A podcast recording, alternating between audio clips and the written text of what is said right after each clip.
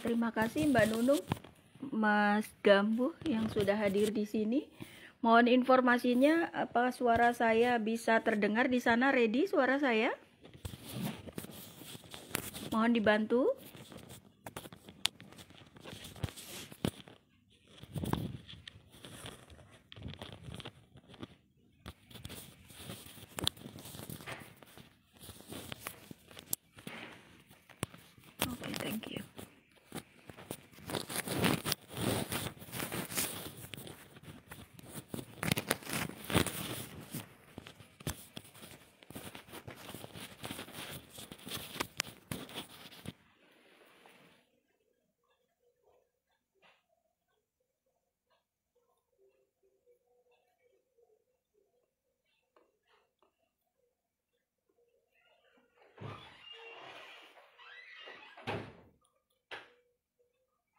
Terima kasih, Mas Gambu. Berarti sudah ready, tinggal menunggu kehadiran Kak Devi. Selamat malam semuanya. Selamat bermalam minggu. Terima kasih telah hadir di Ruang Bual Kolacino GSM Podcast kita bersama. Saya akan menemani Anda selama satu jam ke depan.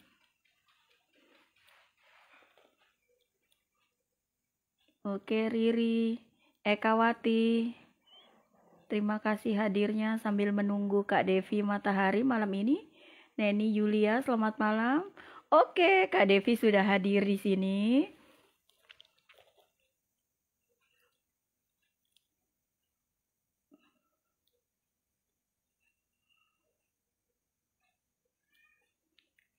Ya,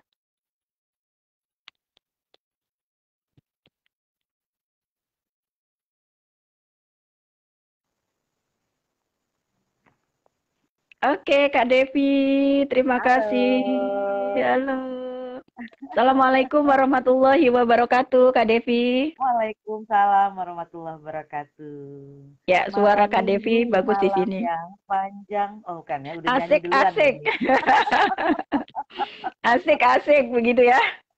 Aduh ya Allah, Alhamdulillah. Terima kasih Kak Devi atas kehadirannya di ruang bual Kolacino. Keren, keren, keren, keren. Ya, sebelum sebelum saya melanjutkan ke bla bla bla bla pembicaraan kita lah yang asik-asik gitu dalam kesempatan yang berbahagia ini. Kebetulan malam ini, hari ini eh, tidak terlambat juga ya. Hari ini ulang tahun Kak Devi.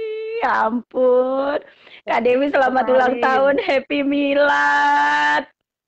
Terima kasih. Doa-doa terbaik kemarin. pokoknya untuk Kak Devi. Oh, kemarin ya telat gak apa-apa, telat sehari lah.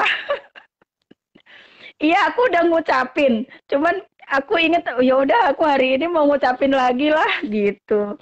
Eh, mudah-mudahan mm, semuanya yang diharapkan dikabulkan oleh Allah, yang dikhawatirkan dijauhkan, dijauhkan, dijauhkan dari hidupnya. Moga keberkahan selalu buat Kak Devi, panjang umur, bahagia, sehat, sentosa. Amin ya robbal alamin. Amin, amin, amin, amin, amin, amin. Oke, kita akan mulai saja. Assalamualaikum warahmatullahi wabarakatuh, pemirsa yang ada di layar kaca di mana pun Anda berada. Saat ini saya sudah bersama Kak Devi Matahari di ruang obrolan kita, ngosan, ngobrol santai sastra, belajar sastra dari ahlinya.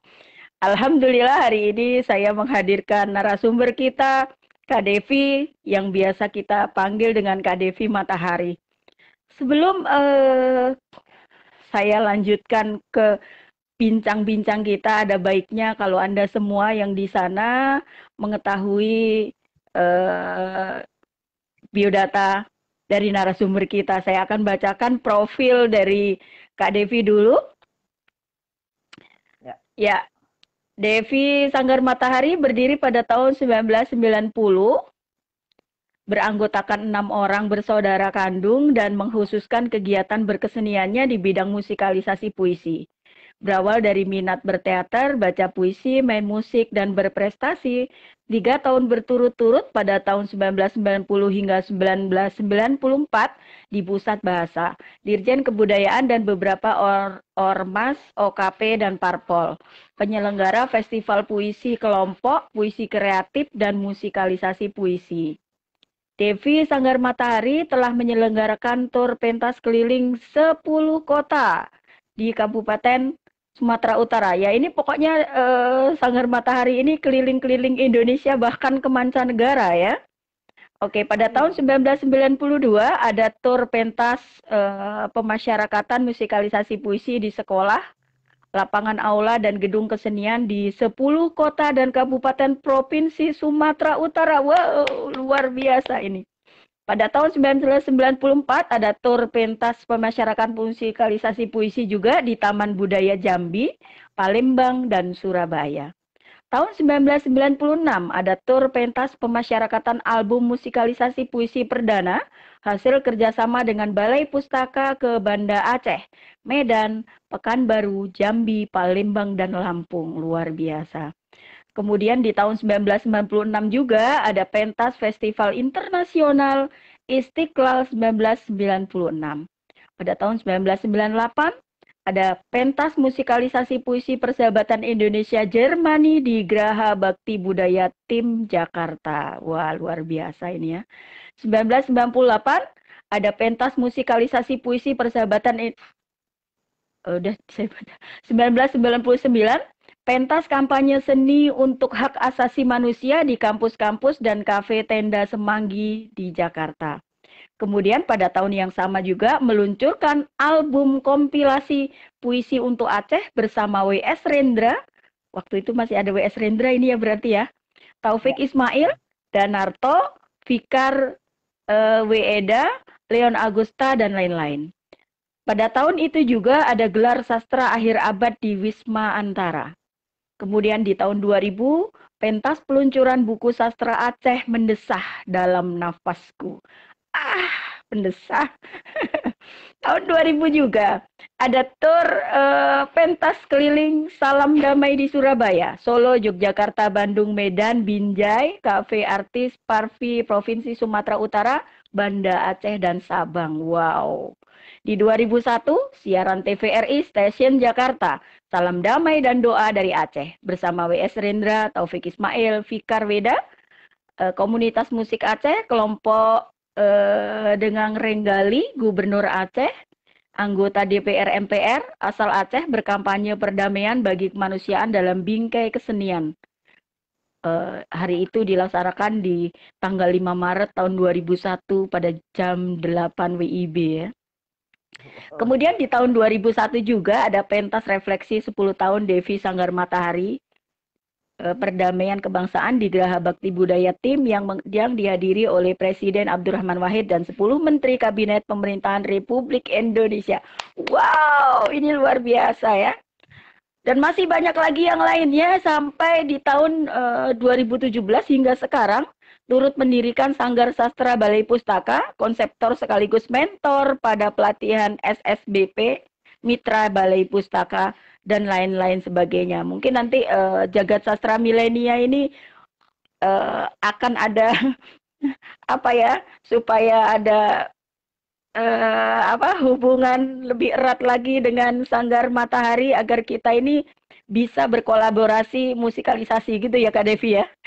Insya Allah bisa, bisa, bisa, sangat bisa. Amin, amin. Oke, okay, uh, eh, kita akan lanjutkan saja. Ya.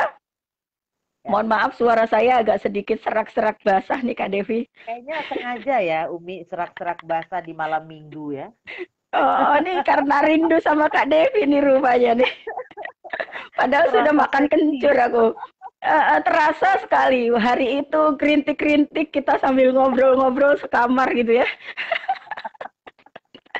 memori di okay. Garut ya. Oke. Okay. Oke, okay. ya ampun nostalgia itu Kak Devi. Oke Kak Devi, kita akan lanjutkan pemirsa yang ada di layar kaca di mana saja Anda berada. Saya host Anda Risa Curia berserta kru yang ada di sana. Kru saya ada Bang Gambu dan ada Mbak Nunung Ernil sebagai sutradaranya. Sebagai saya di sini di depan layar kaca Anda akan menemani uh, satu jam selama satu jam ke depan untuk ngobrol santai dengan Kak Devi.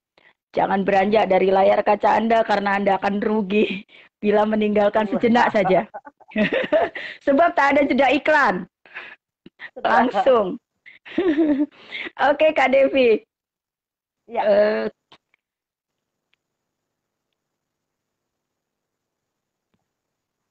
Ya, suara kita akan mulai saja.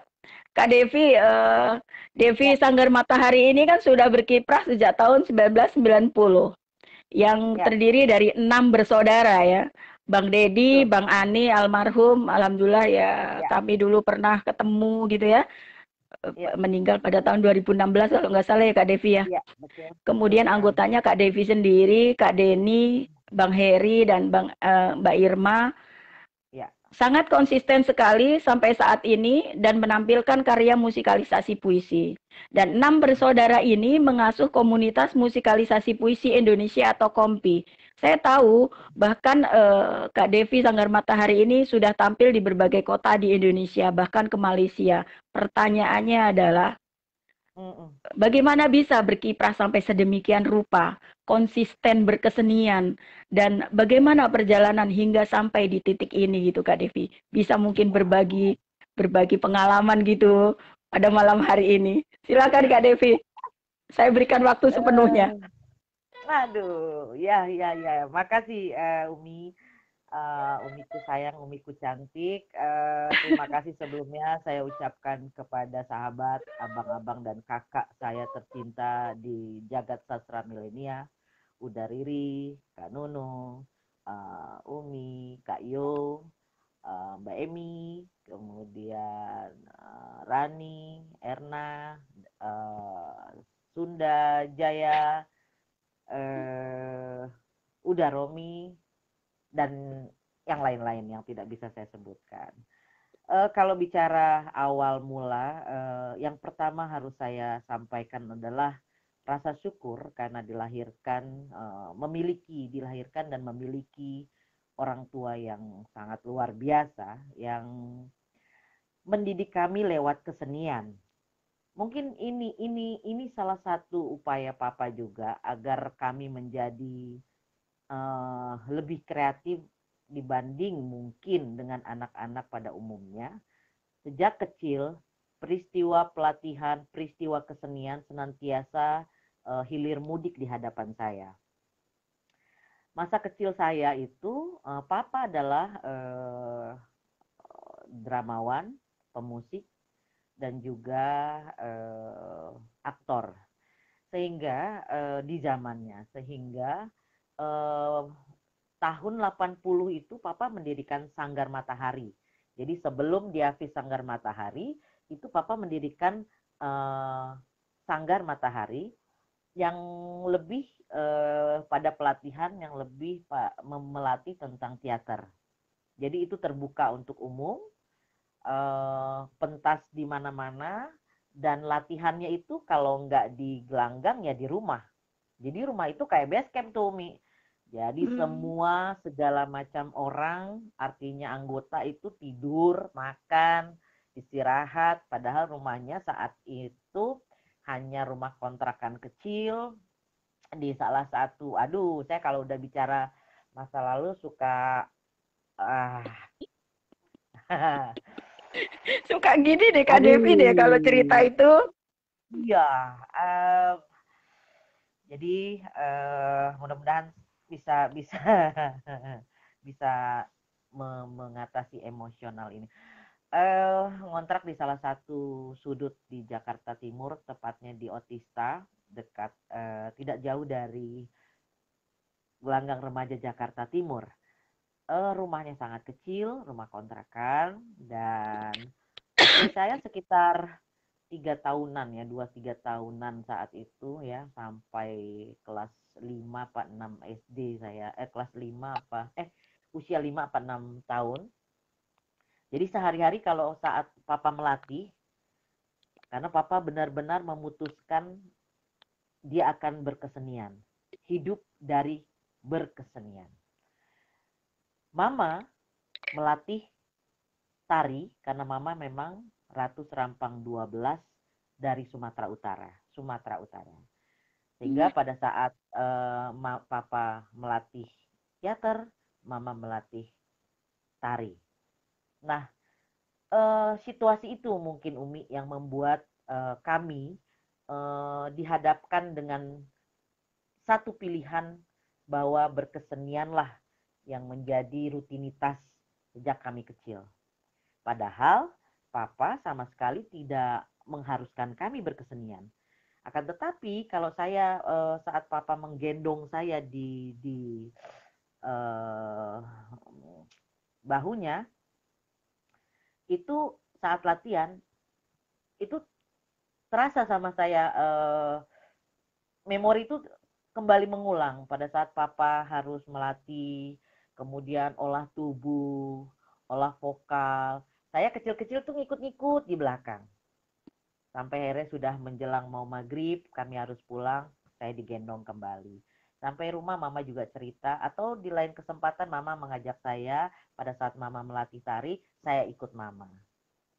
Suasana menari saya dulu belajar tari Bali walaupun nggak sempat lulus karena saya nggak jago uh, meliupkan uh, maaf bokong saya itu. Jadi uh, tidak pandai karena saya tomboy. Jadi pada saat uh, apa harus meliuk-liuk itu saya kurang pandai.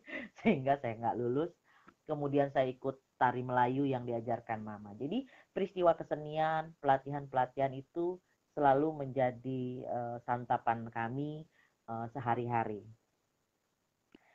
Um, dan abang Bang Dedi, Bang Ane itu sudah suka musik dari kecil. Almarhum Bang Ane pada saat dia usia kelas 5 SD, dia sudah sudah mengiringi penyanyi cilik saat itu Julius Tanggang. Oh iya. Iya, jadi Julius Tanggang ada konser di Gelanggang di di salah satu ya kalau nggak salah di Gelanggang lagi tuh uh, dia butuh uh, pemain gitar merespon pemain uh, gitar atau pemain cilik yang ada di area situ.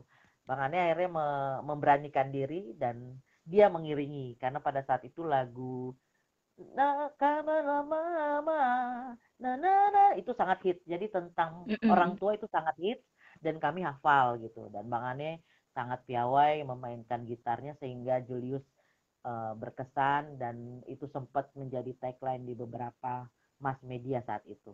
Nah, peristiwa-peristiwa itulah yang mungkin menjadi penguat kami Umi bahwa berkesenian adalah hidup, hidup adalah berkesenian. Bahkan di saat saya kelas 3 SMA, saya tidak masuk sekolah tiga minggu karena saya melakukan tour keliling 10 kota di Sumatera Utara itu.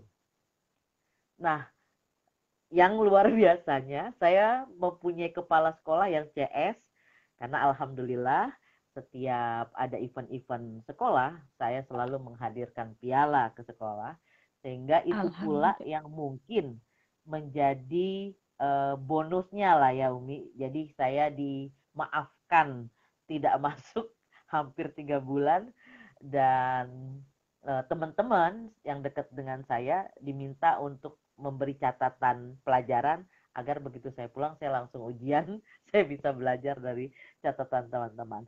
Uh, saya pikir itu adalah kebaikan-kebaikan berkesenian yang saya hadapi uh, bahwa pada saat kita uh, bersungguh-sungguh konsisten sekalipun harus ada pilihan-pilihan sulit pada saat kita yakin akan ada jalannya gitu. Nah, dan kami sekeluarga otomatis bangun tidur, cara papa e, merangsang kami supaya tidak keluyuran gimana-gimana terlalu jauh, dia ambil gitar, dia e, menghibur mama masak sambil dia nyanyi ku e, nenek atau nenek lagi oma saya lagi masak nenek cantik sekali. Dan ah, jadi papa mengambil gitar sambil nyanyi nyanyi kecil terus uh, dia memanggil kami dengan lagu uh, panggilan ya Namaku Dedi, putra pertama. Namaku Andri, putra kedua. Namaku Devi, Ananda ketiga. Jadi ada lagunya, lagu panggilan kami yang dia ciptakan, yang akhirnya itu menjadi apa ya? Semacam macam ikon gitu ya?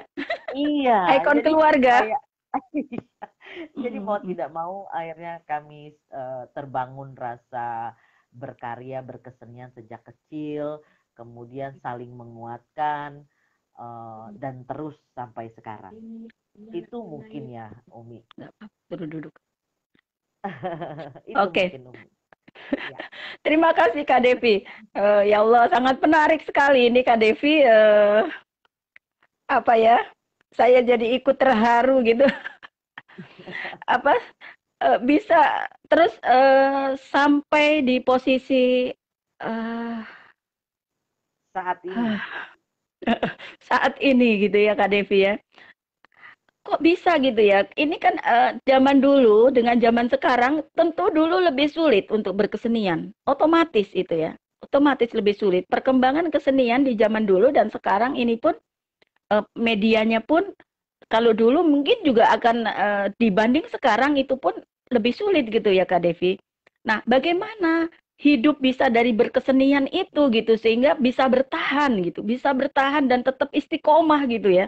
Si ayah ini yang yang yang apa ya? Uh, saya biasa ya. Uh, uh, ngotot, ngotot di di tempat itu pokoknya harus berkesenian dan yakin istiqomah terus berkarya di situ. Itu gimana ceritanya gitu ya? Si ayah ini bisa ya. meyakinkan anak-anaknya untuk untuk terus berkiprah di situ gitu ya. mohon apa ya? ya. Menarik gitu bagi saya seperti itu. Ya, Gimana ya, itu Kak Devi? Iya, iya. Uh, satu yang saya catat uh, dari apa yang Papa lakukan adalah merawat persahabatan, merawat relasi dengan baik. Uh, di masa-masa sulit dulu, entah mengapa, dengan seorang tukang parkir pun atau kenek-kenek bus di terminal lah suasana orang-orang di terminal bus papa selalu uh, punya waktu sebentar untuk menyapa. Selalu saja papa menyapa siapa saja tanpa batasan tanpa memandang siapa pun. Walaupun tidak kenal ya? Walaupun tidak kenal kebiasaan papa ini yang yang akhirnya kalau kami rasakan manfaatnya sekarang adalah kami seperti mempunyai banyak saudara di mana-mana. Karena hmm, pada saat kesulitan, gak tahu dari mana gitu Umi. Pada saat benar-benar kami nggak bisa makan gitu, untuk makan pun beras udah nggak ada gitu. Ada aja manusia-manusia baik eh, yang menghampiri kami gitu. Ada aja orang-orang yang yang akhirnya papa ngomong oh iya itu yang pernah papa ketemu ini. Padahal waktu itu cuman kasih papa ngobrol terus ngerokok bareng dia minta sebatang rokok gini gini gini gini gitu. Jadi eh, uh, tahu ya uh, kadang kita percaya nggak percaya tapi memang kejadian umi banyak sekali orang-orang baik yang dikirimkan Allah tapi itu juga akibat kalau kami lihat akibat bagaimana papa uh, efek daripada papa sering menyapa, sering menjaga silaturahmi. Uh, Seolah Tuhan memperjalankan gitu ya? Iya, iya benar sekali. Dan tak jarang juga kami kesulitan akhirnya mama harus mendekati tukang sayur dekat rumah, tukang warung dekat rumah, ngebon, dan nanti akhir bulan pada saat kami ada pertunjukan baru dilunasi. Karena betul-betul keluarga enam anak semuanya ber, papa berkesenian dan kami masih remaja yang lain masih kecil-kecil kebayang sekali bagaimana kompleksnya pikiran papa mama uh, untuk menghidupi kami. Agar kami bisa makan kami bisa bersekolah dan alhamdulillah uh, itu terwujud gitu jadi um, nggak tahu itu itu itu yang saya pegang sekali uh, merawat uh, silaturahmi, uh, menjaga relasi dengan baik. Ya, merawat persahabatan. Betul, Indra. Ya, itu mungkin. Uh, dan kalau bicara sekarang, wow, saya termasuk yang down saat ditinggalkan papa. Karena saya begitu dekat sama beliau, saya bisa joget dangdutan karena yang paling bocor di keluarga besar kami memang almarhum Bang Ane dan saya. Saya tak, tidak sungkan kalau untuk joget-joget dangdut sama papa karena nggak tahu saya begitu dekat. Nah saat 2011 papa berpulang, kami goyang sekali karena selama ini papa yang menghadapi apa pun kesulitan hidup itu. Namun banyak yang papa tanamkan tanpa dia sadari yang akhirnya kami contoh bagaimana tidak boleh bangga dengan kemiskinan. Jangan pernah kasih tahu orang uang kau tinggal seribu. Gak perlu.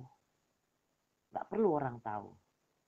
Jadi jangan pernah bangga dengan kemiskinan. Karena sekaya-kayanya manusia adalah seniman. Nah, kata-kata papa itu menjadi sugesti, menjadi sugesti bahwa yuk kita ada nih. Contoh kecil pada saat kami masih kanak-kanak, mama hanya bisa menyajikan nasi goreng putih. Nasi goreng putih itu bawang merah, bawang putih yang diiris tanpa kecap, hanya garam karena memang tidak ada kecap. Tapi Mama selalu menyajikannya dengan sangat ciamik, dihias dengan cabai, kemudian tomatnya dia buat bunga, dia kasih di nampan besar, sehingga tampilannya sangat cantik. Dah, pada saat mau makan, papa menyuruh kami tutup mata. Tutup mata, kemudian mama hidang, hidangan belum ada, kami disuruh tutup mata. Papa langsung memberikan sugesti kata-kata yang sampai detik ini selalu saya kenang. Bayangkan di hadapan kalian semua ini adalah ayam panggang lengkap dengan sambal kecap. Ayamnya agak-agak gosong sedikit, warnanya merah eh, coklat keemasan. Nah, sekarang cium baunya, cium dulu baunya. Kami pun seperti terhipnotis tuh semua mencium nasi goreng sebenarnya nasi goreng yang disajikan mama di hadapan kami dan kami patuh tidak buka mata. Lantas papa bilang, setelah ini kita berdoa sebelum kita akan memulai makan.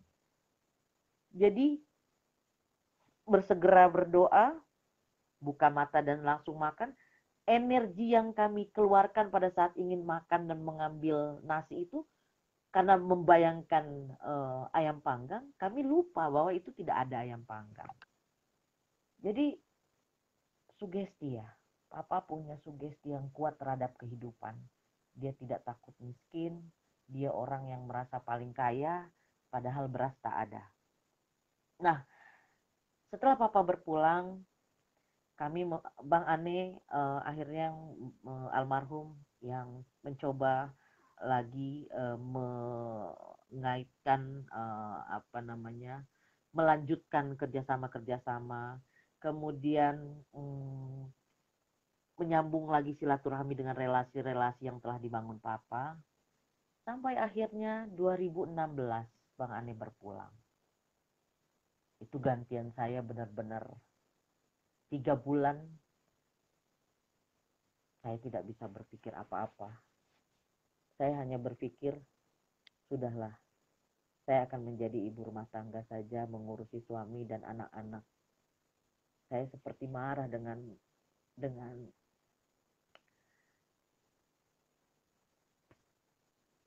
karena saya pikir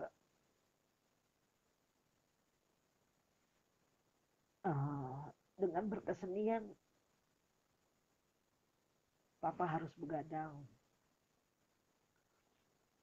Banyak minum kopi saset. Kurang tidur. Begitu juga bang aneh hidupnya tidak sehat dan harus berpulang. Jadi saya seperti marah dengan keadaan. tiga bulan saya nggak mau ngurusin. Tapi tiga bulan kemud sebelum Bang Andi berpulang kata-kata dia menghujam saya. Lu harus terusin apa yang sudah papa mulai. Ini adalah warisan papa yang nggak boleh lo tinggalin. Harus lanjutkan apa pun kondisinya dan situasinya. Kita nggak punya apa-apa hanya sedikit yang kita punya berbagilah.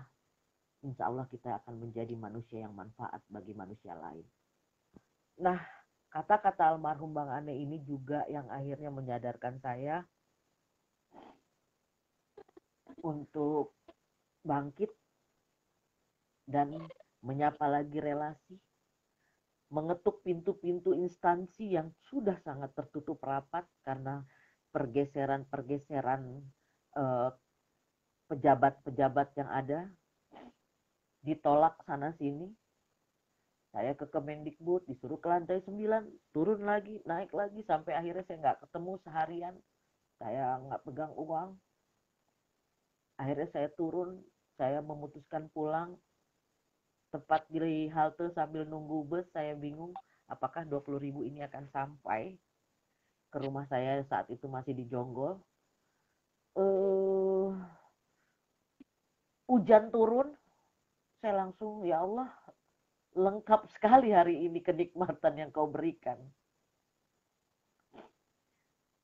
Tapi saya ingat sekali lagi kata papa kata Bang Ane jangan pernah menyerah pada keadaan apa pun itu.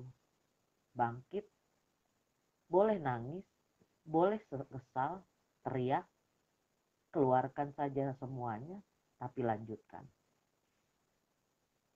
jadi setelah Bang Ane nggak ada saya memulai lagi mengetuk pintu-pintu instansi relasi teman sahabat untuk bisa memulai uh, proses berkesenian kami berkesenian uh, workshop workshop tanpa ada modal saya menyapa PDS HB Asin. Kebetulan kita punya banyak teman-teman baik di sana. Ada Mbak Rita ada Mbak Nel dan Mbak Rini. Silahkan kalau mau buat workshop Devi kami siapkan konsumsi kalian mau buat apa pun pintu ini terbuka. 2017 kami memulai workshop pertama Jabodetabek dimulai di PDS HB Asin akhirnya keliling Bogor di tempat Geraha Pena bersama wartawan-wartawan yang ada di eh, Bogor, kemudian di Bekasi Unisma kampus yang selama ini eh, menjadi tempat Bang Ane juga mengajar, kemudian di Depok di eh, perpustakaan Depok dan itu terjadi tanpa modal, tan hanya semangat kuat.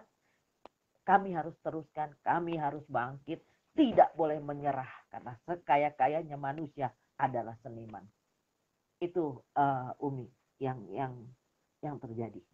Maafkan kalau agak emosional karena saya sebenarnya maunya ceria, senang, ketawa, senyum. Karena bagi saya tapi ya gimana ya kalau udah uh, mengulang perjalanan rasanya pasti cengeng gitu. Ya iya. gitulah Umi. Ya tak masalah tak Mbak Devi eh, dalam kesempatan ini pula eh, mari kita berdoa bersama. Semoga ayahanda dan Bang Ani Matahari diberikan surga oleh Allah Subhanahu wa taala. Ya kita bacakan Fatihah aja lah ya. Semoga-moga yang ada di uh, layar kaca ini juga mendengar. Uh, kita doakan untuk Bang Ani sama Papa Mbak Devi. Ilahadiniyah kuliniyatin solihah al-fatihah Minasyaitonirrajim. Bismillahirrahmanirrahim. Alhamdulillahirabbil alamin arrahmanirrahim. Maliki yaumiddin. Iyyaka na'budu wa iyyaka nasta'in. Ihdinas siratal mustaqim. Siratal ladzina an'amta 'alaihim ghairil maghdubi 'alaihim Amin. Amin ya rabbal alamin. Mudah-mudahan jadi obat sedikit Kak Devi ya, ya. Ya ya, ya, Terima kasih. Oke Kak Devi, kita akan lanjutkan ya. lagi perbincangan hangat kita pada malam hari ini. Ya. Makin makin lama makin hangat, makin lama makin seru. Dan ada beberapa pertanyaan yang sudah ada launching di ya. layar kaca kita bersama. Tapi sebelum saya bacakan uh, pertanyaan-pertanyaan dari pemirsa pada malam hari ini, masih ada pertanyaan yang saya siapkan untuk Kak Dev dan mesti Kak Dev jawab supaya lunas ya. gitu Kak Dev ya. supaya lunas saya nggak bermimpi nanti. Oke Kak Dev, pada tahun ya. pada tahun 2001 dalam rangka memperingati HUT uh, Davis Sanggar Matahari Ya. Itu ya. kebetulan hari itu dihadiri oleh Presiden Gus Dur dan Ibu Sinta Nuria. Ya. Serta beberapa menteri kabinet pada waktu itu ya Kak Dev ya.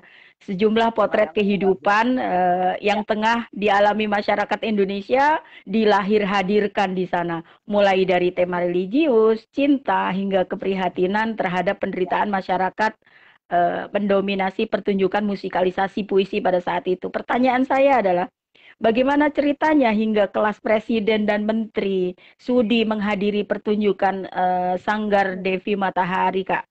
Dan uh, yang lebih menarik lagi bagi saya adalah pesan yang hendak disampaikan dari pertunjukan musikalisasi saat itu. Bagaimana memunculkan memunculkan ide kreatif sehingga muncul tema-tema yang spektakuler hari itu. Nah, mungkin bisa dijawab oleh Kak Devi supaya aku aku nggak bermimpi dan nggak ngelindur gitu ya Kak. Iya. nah, silakan Kak Dev. Uh, itu adalah sampai detik ini adalah kami suka kalau ngumpul kok bisa ya gitu. Sampai detik ini kami selalu kok bisa ya gitu. Awalnya adalah ternyata itulah setiap gerakan, setiap karya yang konsisten dilakukan itu pasti akan menarik perhatian. Pasti akan membuat kesan yang dalam bagi orang-orang yang menyaksikan ataupun orang-orang yang secara tidak langsung merasakan manfaat dari apa yang kita pentaskan atas apa karya yang kita hadirkan. Awalnya itu adalah eh, kami kadang suka lucu. Ternyata penonton garis keras kami saat uh, efek dari pentas di kampus-kampus, lantas dari kampus itu akan lahir aktivis-aktivis, aktivis-aktivis itu lahir akan menjadi anggota dewan.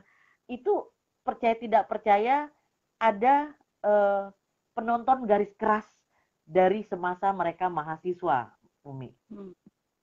Singkat cerita, seorang uh, Amin Rais, seorang Akbar Tanjung, seorang Yoris Rawiyau, Yau, seorang uh, Din Samsudin dan uh, uh, Mempora pada zamannya dulu pak. Uh,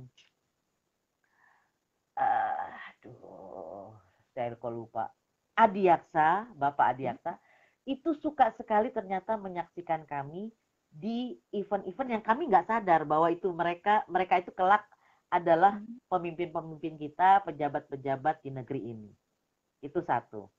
Jadi kalau kampus-kampus minta kami pentas, e, Mbak bisa pentas kapan acara kampus? Kami tuh tidak pernah berapa budget karena tahulah mahasiswa gitu. Jadi terlebih mereka punya kreativitas saja kita sudah sangat bahagia gitu. Support Mereka ya. mau gitu mengadakan gitu ya. ya mengadakan kegiatan-kegiatan berkesenian kita udah sangat bahagia. Setidaknya kesenian itu terus hidup di kampus-kampus. Nah, ternyata dari perjalanan keliling-keliling itu terutama kami bicara tentang hak asasi manusia yang terjadi di Aceh. Pada saat itu sedang berlangsung DOM. Nah, cara kami protes lewat karya, lewat musikalisasi puisi. Kami mencoba menggandeng orang-orang besar, orang-orang maestro-maestro yang keras seperti almarhum W.S. Rendra, Bapak Taufik Ismail, Om Sutarji Kalzum Bahri, almarhum Om Danarto, Om Leon Agusta, untuk sama-sama kami menyuarakan itu semua. Nah, ternyata gerakan-gerakan kami ini diperhatikan jajaran seknek pada saat itu. Kebetulan ada tim sukses tim suksesnya yang sura, suka menonton kegiatan-kegiatan kegiatan yang uh, ya berbau protes lah bisa dibilang ya. Jadi kalau kita ada kegiatan pasti adalah tuh mata-mata uh, pemerintahan barangkali lah bahasanya ya, yang selalu Tanda kutip melihat, gitu ya. Iya. Jadi itu kami tidak sadari, kami tidak sadari, kami nggak tahu sama sekali. Kami hanya uh, tolong sudahi terlalu banyak korban di sana. Itu kita keluarga kita saudara gitu. Jadi e, bicara tentang kemanusiaan dan e, apa yang terjadi dom itu e, kami tidak bisa teriak-teriak di jalan. Kami teriaknya lewat kesenian lewat musikalisasi puisi singkat cerita e, tim sukses itu me, kebetulan tim sukses itu berasal dari Aceh begitu dia tahu e, Bang Fikar itu dari Aceh maka dipanggillah uh, Bang Fikar uh, dan dia tahu Bang Fikar juga pers. Kemudian ada salah satu pengusaha dari Aceh yang memang sangat concern uh, membantu kegiatan berkesenian. Mereka dipanggil oleh pihak Seknek dan di situlah uh, mau bertemu. Jadi Gus Dur itu mau bertemu. Uh, kami sedang menyiapkan ulang tahun. Hmm. Pada saat itu kami mau 10 tahun. Nah, karena kami riuh, namanya juga ya sponsor kan tahu sendiri Umi untuk kesenian mana ada yang mau membiayai terlebih di Biasanya itu gitu, gitu kan. Mm -hmm. Betul, yang ada tangan-tangan baik yang dikirim Tuhan secara nggak langsung yang secara spontan memberikan nih uh, eh, gue bantu sekian nih uh, gitu jadi banyak orang-orang yang nggak tahu dari mana yang melihat gerakan kami akhirnya membantu uh, apa uh, acara kami di tim di GBB termasuk almarhum ya WS Rendra yang meminta agar gedung digratiskan. Bisa bayangkan bayar geraha bakti yang 15 juta kami digratiskan. Hanya karena seorang Mas Willy yang datang ke sana dan menyampaikan kalau kalian minta duit dari mereka, harusnya kalian malu sama pihak UPT saat itu. saya jadi ingat karena saya menghadap bersama beliau uh, ke ke UPT. Nah, singkat cerita, uh, kami akhirnya iseng saja, ya syukur-syukur direspon, syukur-syukur tidak. Apa kalaupun tidak ya tak apa gitu. Jadi kami buatlah undangan itu uh, kepada uh, kepada presiden saat itu Gus Dur dan jajarannya untuk meng, saya mengundang kami mengundang tuh hanya presiden uh, dan Ibu Sinta melalui setnek. Ternyata di las tiga hari menjelang hari H kabar bahwa Gus Dur akan datang. Tim dirapikan, wow, gitu ya? clear Oh, kami hmm. ya terbirit-birit karena tahu sendiri untuk presiden datang segala semua yang ada protokolernya agak susah gitu kan ya? Iya teman-teman ngomel sama saya tuh teman-teman tim. Inget saya Devi lo mau pentas aja gue nggak bisa nongkrong. Gitu karena beberapa tempat agak eh, dibersihkan lah di diklirkan gitu. Yang biasa tempat hmm. nongkrong agak-agak uh, gerah karena nggak tahu ada ada ada orang lain yang ikut nongkrong gitu. Jadi mm. ya sampai akhirnya uh, Gus Dur hadir dan membawa 10 menteri kabinet menterinya kabi, menteri kabinetnya ya? Waduh, luar biasa. Kayak mimpi di siang bolong sampai detik ini kami selalu uh, seperti disiram uh, air salju gitu ya panas-panas. Betul betul betul sekali itu adalah ya sekali lagi buah dari sebuah konsistensi proses ya. panjang dan konsisten mm-hmm. uh, istiqomah berkarya. Iya istiqomah berkarya berkarya dan merawat uh, silaturahmi pada siapa saja. Itu paling umi. Oke, luar biasa Kak Devi. Ya Allah, subhanallah. Ini ini uh, apa sih namanya? Sesuatu banget gitu ya dari perjalanan berkesenian yang bagaimana sulitnya sampai bagaimana memetik buah dan hasilnya seperti itu ya. Bagaimana uh, positive thinking si ayah sehingga sampai sekarang ini tertanam terus itu sangat luar biasa dan ini uh, begitu menginspirasi kami semua yang ada di sini tentunya Kak Devi. Iya. Oke Kak Devi, nggak terasa sudah hampir satu jam kita loh ngobrol-ngobrol kayak gini ternyata oh Dan saya akan merespon uh, pertanyaan dari pemirsa yang ada di rumah, yang ada di layar kaca ini akan saya bacakan Kak Devi. Ini ada pertanyaan dari salah satu pemirsa. Iya. Uh, dari Bang Gambuh Erbasedo. Kak Devi, apa yang membuat Kak Devi mampu terus bertahan? Padahal betapa halang jalan begitu peliknya yang Kak Devi alami. Kira-kira apa ini Kak Devi yang membuat Kak Devi sendiri pun jadi kekeh gitu? Nah, Karena seperti itu Kak Devi, silahkan. Saya langsung jawab. Mas Gambu, yang membuat saya terus bertahan karena kami sudah cinta. Sudah jatuh cinta pada kesenian pada proses panjang. Sehingga halangan apa pun menjadi tak ada arti. Pelik, iya sangat. Tapi ibarat orang sudah jatuh cinta, sepelik apa pun, tetap aja indah, terasa indah. Karena cinta. Demikian Mas Gambu. Ada lagi pertanyaan nih dari Bang Iin. Bang Iin, oh, Iin okay. Sultan, ya ampun Iin Sultan, mudah-mudahan baik adanya di sana Bang Iin Sultan. Bang Iin Sultan, oh, pertanyaannya iya, iya. begini ya Kak Devi. Uh, pertanyaan saya Umi, kapan Mbak Devi Matahari dan abang-abang yang lain ke Padang lagi? Hehehe gitu ya. Silahkan dijawab juga barangkali masih penasaran gitu Kak Devi. Ya, kami ketemu terakhir 2018 di rumah puisi uh, Pak Taufik Ismail. Kami dan Ustadz Arbi Tanjung sempat minum talua, teh talua, makan sate padang. Ya memang uh, nikmat sekali ketemu saudara kita uh, seperti Bang Indra ya, Da Indra di Padang.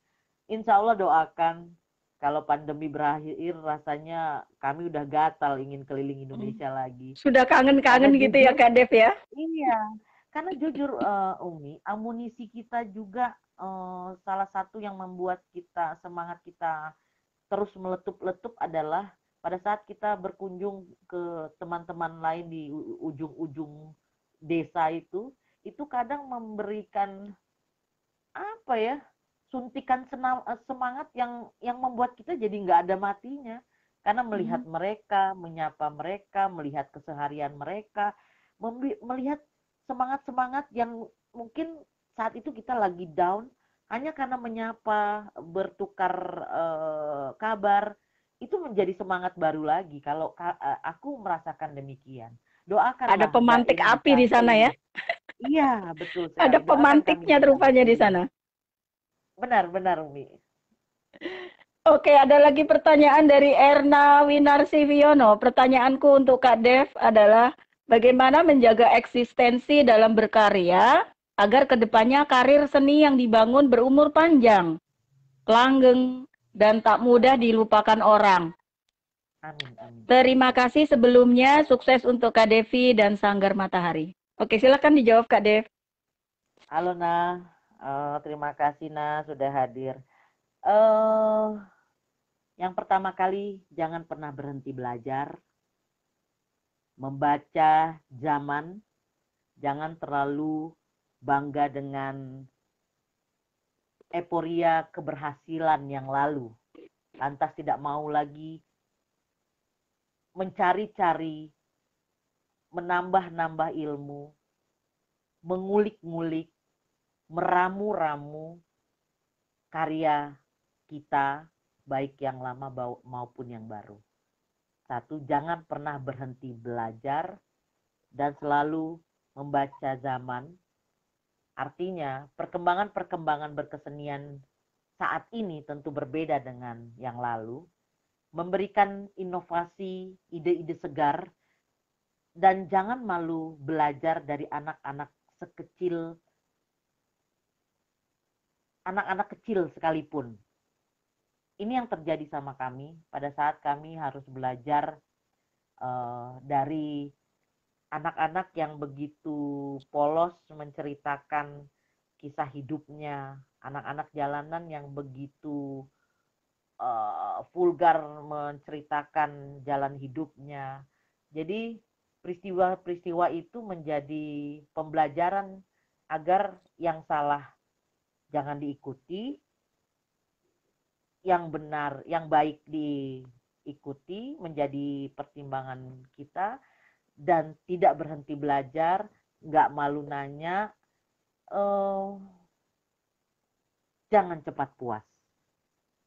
Karena pernah kami tiga bulan stuck dalam berkarya, terlalu banyak tepuk tangan, terlalu banyak pujian, itu juga mematikan kreativitas. Sehingga akhirnya kami mencoba refresh, masing-masing mencari polanya dalam belajar dulu, Akhirnya begitu kami sudah mendapat pembelajaran, kami ngumpul, memberikan informasi yang berbeda-beda, sehingga itu menjadi kaya.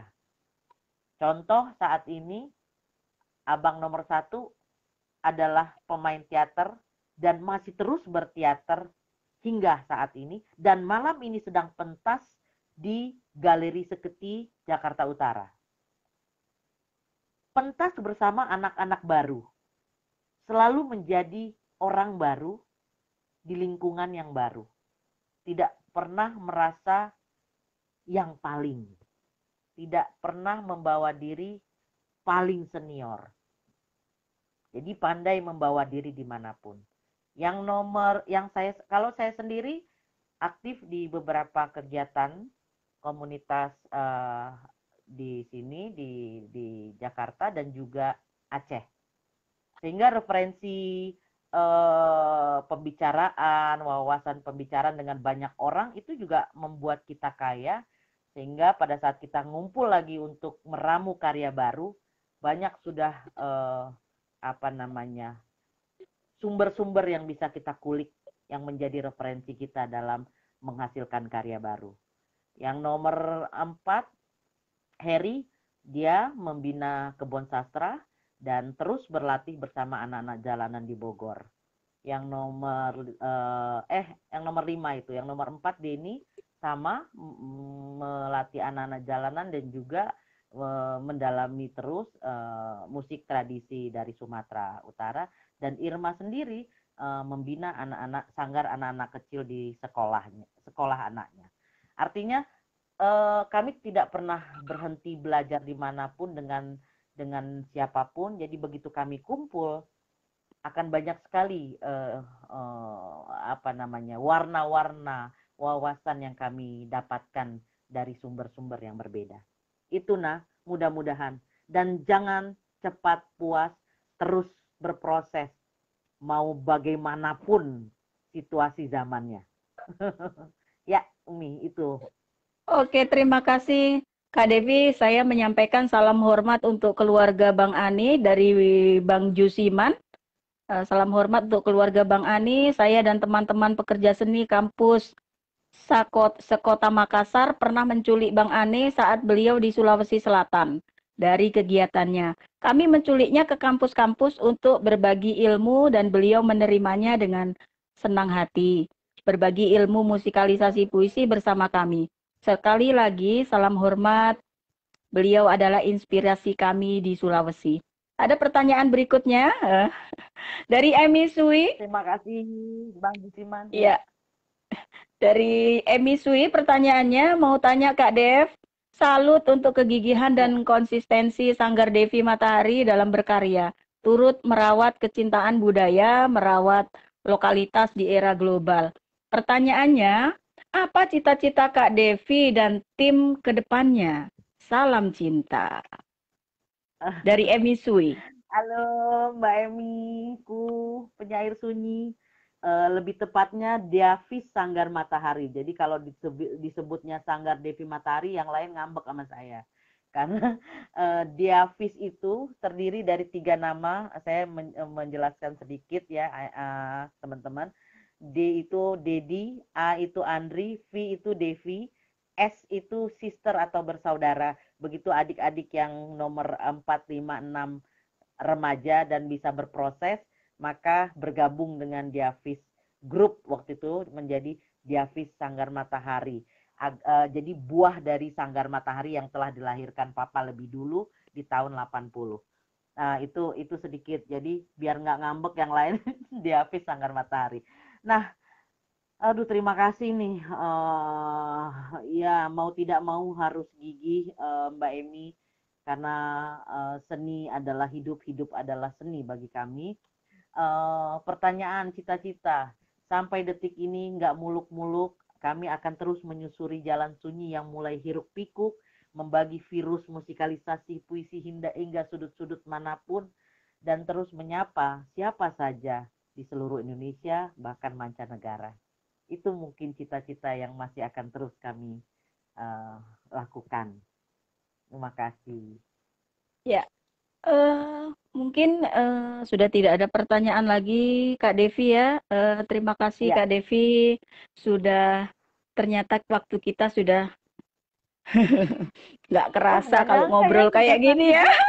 Satu jam lebih sedikit Kak Devi, lebih empat menit. Oke, tak masalah. Saya uh, begitu terharu, senang dan bahagia pada malam hari ini Kak Dev bisa datang di ruang Bual uh, Kolacino podcast ya. kami Jagat Sastra Milenia sudah berbagi keren, inspirasi. Keren, keren.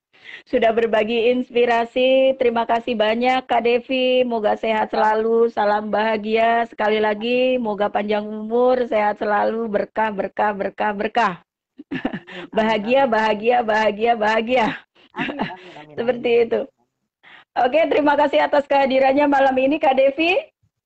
Mohon maaf atas uh, semuanya. yang lain dan juga boleh mohon Oke, silakan. apabila ada kata-kata. Ya, menyapa semua yang hadir. Terima kasih, terima kasih Jagat Sastra Milenia. Mohon maaf apabila ada kata-kata yang kurang berkenan. Uh, manusia tempatnya salah. Jadi sekali lagi uh, hanya berbagi kisah, tak ada yang hebat. Kita sama-sama uh, sering sama-sama uh, akan terus berproses dan sharing bersama. Terima kasih. Wassalamualaikum warahmatullahi wabarakatuh. Waalaikumsalam warahmatullahi wabarakatuh. Terima kasih Kak Dev. Sampai jumpa di lain waktu, di lain acara, dan di lain kesempatan. Terima Akan saya off ya Kak Dev. Ya. Oke. Uh, pemirsa di layar kaca di mana saja Anda berada, begitulah perbincangan saya dengan Kak Devi, ngobrol-ngobrol santai saya dengan Kak Devi. Perlu ada satu yang ber, ada satu yang perlu kita garis bawahi adalah berkarya itu adalah sebuah keajikan, sebuah keistiqomahan. Ketika sesuatu itu dilakukan secara istiqomah maka akan ada hasil yang akan dipetik. Dan kita seniman berkesenian itu adalah sesuatu yang tak ada habis-habisnya dan inspirasi yang bisa kita petik juga dari Kak Devi, seniman adalah orang yang paling kaya, katanya begitu ya. Ruang Bual Kolacino adalah sebuah podcast ngobrol sastra memanfaatkan media sosial multi platform yang diselenggarakan oleh komunitas Jagat Sastra Milenia yang akan menampilkan berbagai pemikiran dari para tokoh, pelaku, dan pengamat sastra Indonesia dan mancanegara. Saya host Anda, Risa Curia, uh, telah menemani Anda selama satu jam tadi. Dan kru saya, Gambu Erbasido sebagai kreator dan Nunung Nur Elnil sutradara kami mengucapkan selamat malam, selamat jumpa lagi. Semoga kita berjumpa di dua minggu ke depan dengan pembicara yang lebih menginspirasi, yang bisa menginspirasi kita semua. Dan saya akhiri pertemuan ini dengan bacaan hamdalah. Alhamdulillahirabbil alamin. Assalamualaikum warahmatullahi wabarakatuh.